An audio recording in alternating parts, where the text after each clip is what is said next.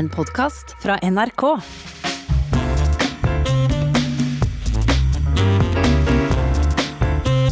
Sterke bilder fra ei hjerteskjærende koronakrise har ført India mot toppen av den internasjonale nyhetsskalaen.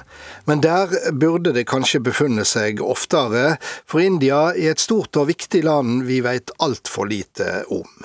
Og let vi koronakrisa ligge, ser vi en økende hindunasjonalisme i dagens India, sterkt fremme av statsminister Narendra Modi. Etter frigjøringa fra kolonimakta Storbritannia i 1948 var den store tanken et samla India, hvor alle folkegrupper kunne bygge landet sammen. Og eh, Mala Wagner-Wien, du er til daglig informasjonsansvarlig i Sintef, men er også kjent som en journalist og forfatter som eh, kjenner India svært så godt. Velkommen til deg. Tusen takk. Takk for det. Eh, det ser jo stygt ut for den store nasjonale tanken akkurat nå, gjør det ikke det? Ja, jeg tror nok at det er eh, Vi snakker litt om to virkeligheter i India, om ikke fler. Eh, hvor, eh, hvor man ser at noen fortsetter å pushe og tro på denne store indiske drømmen om at det er ett folk og det er ett mål, og kanskje til og med én religion. Mens andre tviholder på det Nero Gandhi plantet, som, som handler om et sekulært India hvor, hvor staten først og fremst er eh, ikke-religiøs. Velkommen også til deg, Eva Brattholm. Ja, tusen takk. Mange husker deg som journalist, annet her i NRK, men du har også vært ambassaderåd ved Norges ambassade i New Delhi. og Hvordan eh, merker du de nasjonalistiske strømdragene som eh, nå preger India? De har jo hele tiden vært der, men de har vært, eh, har vært dempet veldig. Og da jeg der, bodde der i, fra, fra, 2010 til 2012, det var helt på slutten av Kongresspartiets periode, de tapte jo i, i 14, da var det på en måte ikke helt akseptabelt å snakke så høyt om det.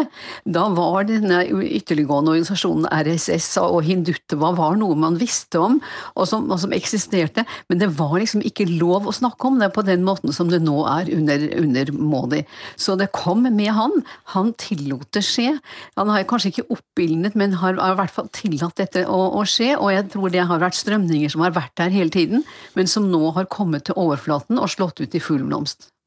Ja, La oss eh, snakke litt om eh, den store vinneren fra kongressvalget i, i 19, eh, nei, 2014, altså eh, den nåværende statsminister Modi. Hva for person er han, eh, Mala Wagnavin? Um, jeg har jo blitt veldig klar over hvor sterk uh, merkevare India har som uh, tolerant og eh, veldig sånn fredselskende nasjon etter, um, etter, at denne covid-krisen ble kjent fra India. for Nå får jeg høre oi, at folk ikke visste in, om situasjonen i India og hvordan ting har utviklet seg under Modi. Altså, de har blitt mer oppmerksomme på hvor, hvor splittende han egentlig har vært. Da. Eh, og en del kommentatorer har jo pekt på dette med at han er jo et menneske som vil høre alle rundt seg si ja, uavhengig av hvor gode og dårlige innfall han har. Eh, noe som også har ført til dårlig kår for fakta og journalist, kritisk journalistikk og vitenskapsbasert informasjon, f.eks. om hvordan covid-krisen skulle håndteres. Så, så Modi de har nok større likheter med f.eks. Trump enn man, man kanskje har mm. forstått da, globalt. Ja, Nokavox husker den enorme begeistringa president Donald Trump ble møtt med da han til India i februar i fjor. Det var jo mer enn 100 000 mennesker som hylla han på verdens største cricketstadion, og, og Trump på sin side hylla modig. Er det to alen av samme stykke, Eva Brattholm? Ja, i grunnen vil jeg si det. At det er De begge forsøker å være ikke-politikere. Altså være annerledes da, enn en andre politikere, og spiller veldig på det. Altså Modi han kaller seg jo Chai Walla, altså teselger, ikke sant. Og, og han er superindier, vegetarianer, avholdsmann. Han har et, et såkalt ikke-gjennomført ekteskap, altså et arrangert ekteskap som, som det ikke ble noe, noe sexy.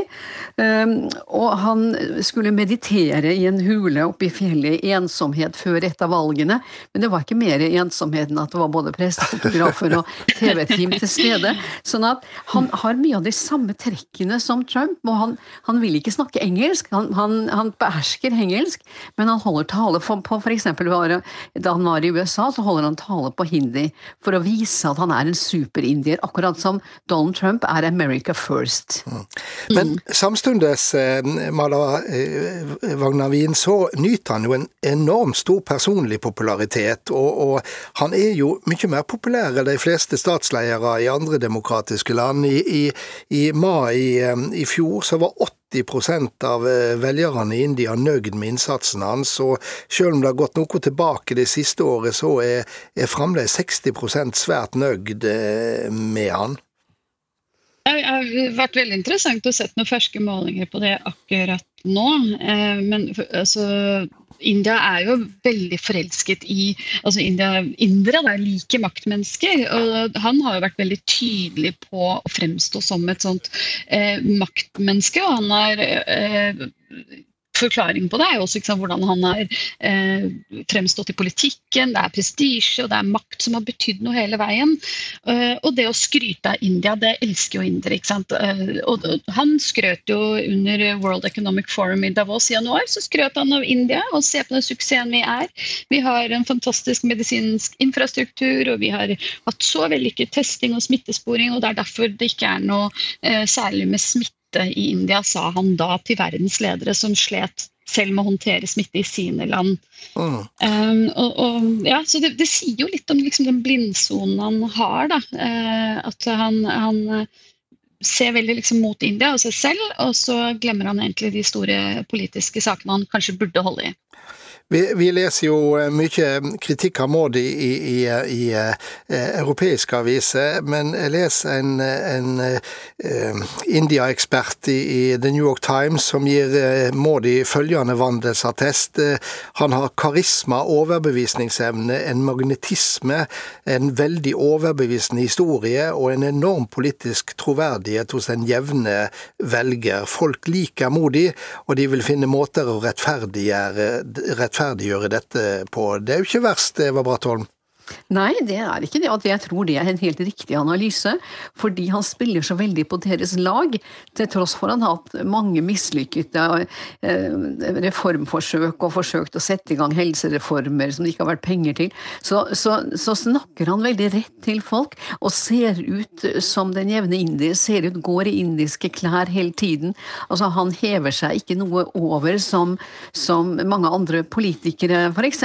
Gandhi-dynastiet, som opplevde som som en slags, slags Kennedy-klan, så er han liksom den, den, enkle mann. Han klarer å framstå som den enkle mann, og det gir han den troverdigheten eh, som, som det snakkes om her.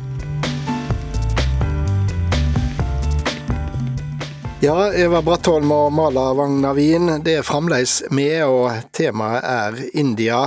Og Eva Brattholm, du nevnte så vidt Eh, Nehru Gandhi-dynastiet, og vi husker jo begge flere tiår da akkurat dette dynastiet både styrte India og samstundes gjorde India kjent også her i Norge.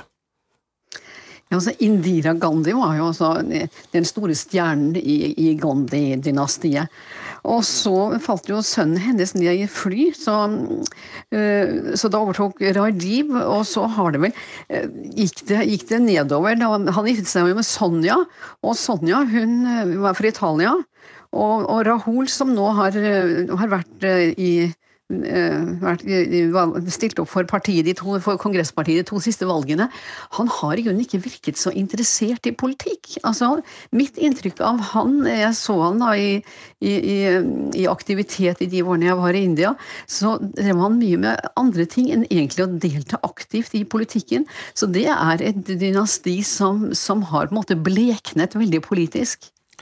Er det sånn, Mala Wagner-Wien, at eh, tredje og fjerde generasjon, ja, så, eh, så er det en slags devaluering? Ja, altså nå, nå ser jo folk eh, mot søsteren da, og lurer på om søster, søster kan kanskje Priyanka Hva er det hun heter igjen? Priyanka. Priyanka, ja. Priyanka er, kan være det store håpet, da. Hun, hun, har vel egentlig ikke blitt vist så mye tillit, men det kan man jo si om Indira Gandhi også. Hun ble også valgt fordi hun ikke de tenkte at det er en kvinne, hun ville ikke være så sterk i politikken, men det, det motbeviste hun jo. Så nå kan man jo også stille spørsmål om er det virkelig sånn at det partiet eh, lener seg litt for, altså lener seg litt for mye på dette dynastiet. Kanskje det er på tide å, å la dynastiet få hvile og, og prøve seg på egen hånd. Ja, for vi snakker nå om de direkte etterkommerne, Eva Brattholm, etter eh, Nehru, altså Indias første statsminister. Ja, mm. Ja da, og vi ser jo det at Modi forsøker jo nå å underminere dette, denne legendariske statusen til, til Nehru. Eh, at det står litt i veien for han. Sånn at, at, at Modi har utspill og kommer med, med uttalelser for å liksom redusere Nehrus betydning. For Nehru er jo den store landsfaderen i India. Så det ser jo Modi på som en slags konkurrent til, til, til den landsfaderstatusen som han selv gjerne vil ha. Vi vet jo, eh, og har fått demonstrert gjennom eh, TV-bildene nå de siste ukene, at eh, India er et land som er preget av stor fattigdom. Samtidig så kan det virke, Mala Wagnavin, som India har et slags janusansikt. Den har den store fattigdommen, og så er det et land som teknologisk er jo helt i front, og, og, og blant annet ligger jo mange av verdens viktigste IT IT-sentre i India. Mm. Ja, og det er jo det Modi har faktisk blitt litt kritisert for. Da, at han eh, gjennom 2020 egentlig bare snakket om digital India. For det er veldig viktig for han å fremstille India som eh, en nasjon som er eh, kommet langt i digital, den digitale transformasjonen, og at det er India som skal by på alle eh, løsningene, de teknologiske løsningene for, som, for samfunnet.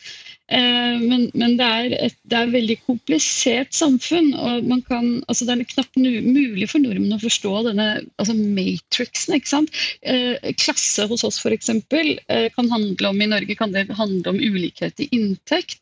Men i India så er det jo lag på lag. Det er, liksom, det er regionale forskjeller, er religiøse forskjeller, du har utdanning, store utdanningsforskjeller. Mye analfabetisme fremdeles.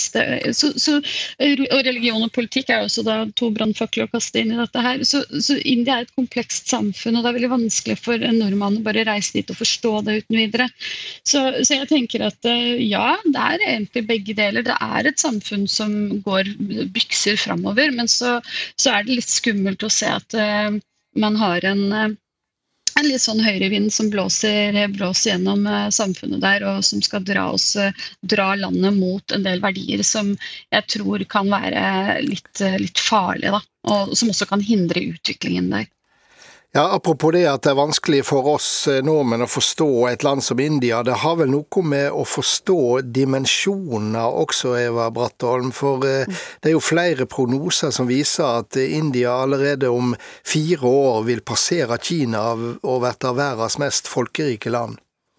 Ja, altså det er jo det store sjokket med å komme til India, er jo det, denne følelsen av å være liksom i, i, milliarden, på en måte. At det er så utrolig mange mennesker, og som Mala sier, så mange lag, så mange forskjeller.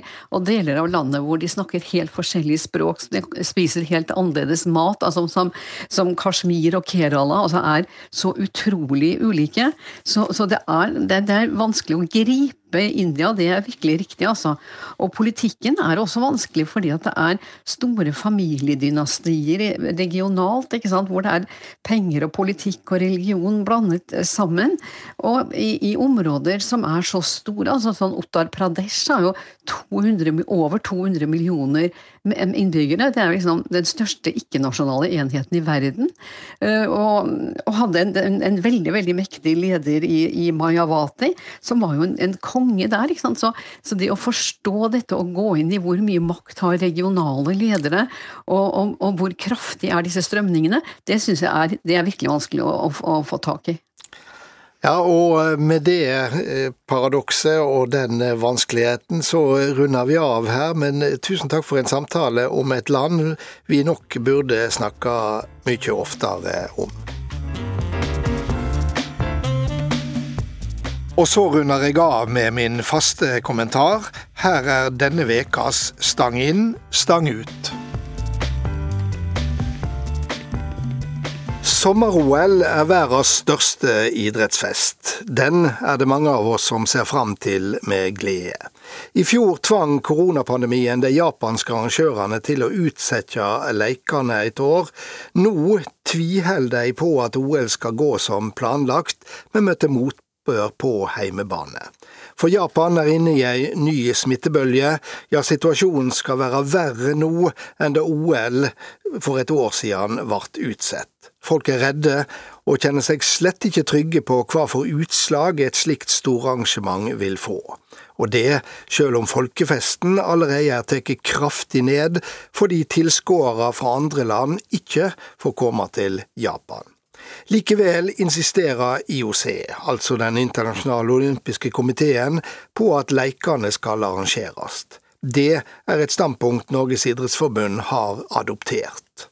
For IOC dreier dette seg om penger. Mye penger, store penger, for det er gigantinntektene fra fjernsynsrettene som står på spill. De vil ikke IOC miste for alt i verden. Nå finnes det selvsagt argument for å gjennomføre OL i Tokyo. Den kan bli ei oppvisning i idrettsglede i ei tid der lyspunkta ikke akkurat står i kø. Men det som gir grunn til uro, er hvordan de økonomiske realitetene mer og mer styrer idretten sine organisasjoner. Vi ser det rundt Tokyo-OL, og vi ser det rundt fotball-VM i Qatar, ei VM-tildeling fra Det internasjonale fotballforbundet som kommer i et stadig merkeligere lys. Igjen ser vi at det er pengene som rår på den sunne vurderingsevnas bekostning. Vi så det samme da noen grådige eiere rundt et dusin europeiske toppklubber ville skape sin egen og ekskluderende superliga i den store publikumsidretten fotball. Men eh, da våkna supporterne, og viste hele verden at det var makt i et ekte engasjement. Nå ser vi at det igjen er økende uro rundt Qatar-VM. For også fotballfolket har samvit, og det er sterkt. Og når slike kjensler først har vakna, ja, så er det ikke lett å spå hvordan resultatet vil bli. På samme vis som i Japan, der folk flest har engasjert seg i OL-protesten. Førre gang det var sommerolympiske leker i Tokyo, var daværende kronprins Harald med i OL-troppen. Han var til og med norsk flaggbærer. På ettersumaren i fjor møtte kongen et av våre fremste OL-håp, Karsten Warholm, får en filma samtale i hagen på Kongsgården på Bygdøy her i Oslo. Der ga Majesteten uttrykk for sterk tvil om det vart noe OL i det hele tatt, og han hadde heller ikke tru på et OL uten publikum. Det kan de kan ikke gjøre det, vet du, sa kong Harald til Karsten Warholm, verken for deltakerne eller stemningen, det blir helt tomt, la han til. Dette siste kan det se ut til at IOC-pampene kan leve godt med. Spørsmålet er nok heller hvor sterk den folkelige motstanden i Japan blir de næreste vekene, for kong Harald kan faktisk få rett i spådommen sin. God helg.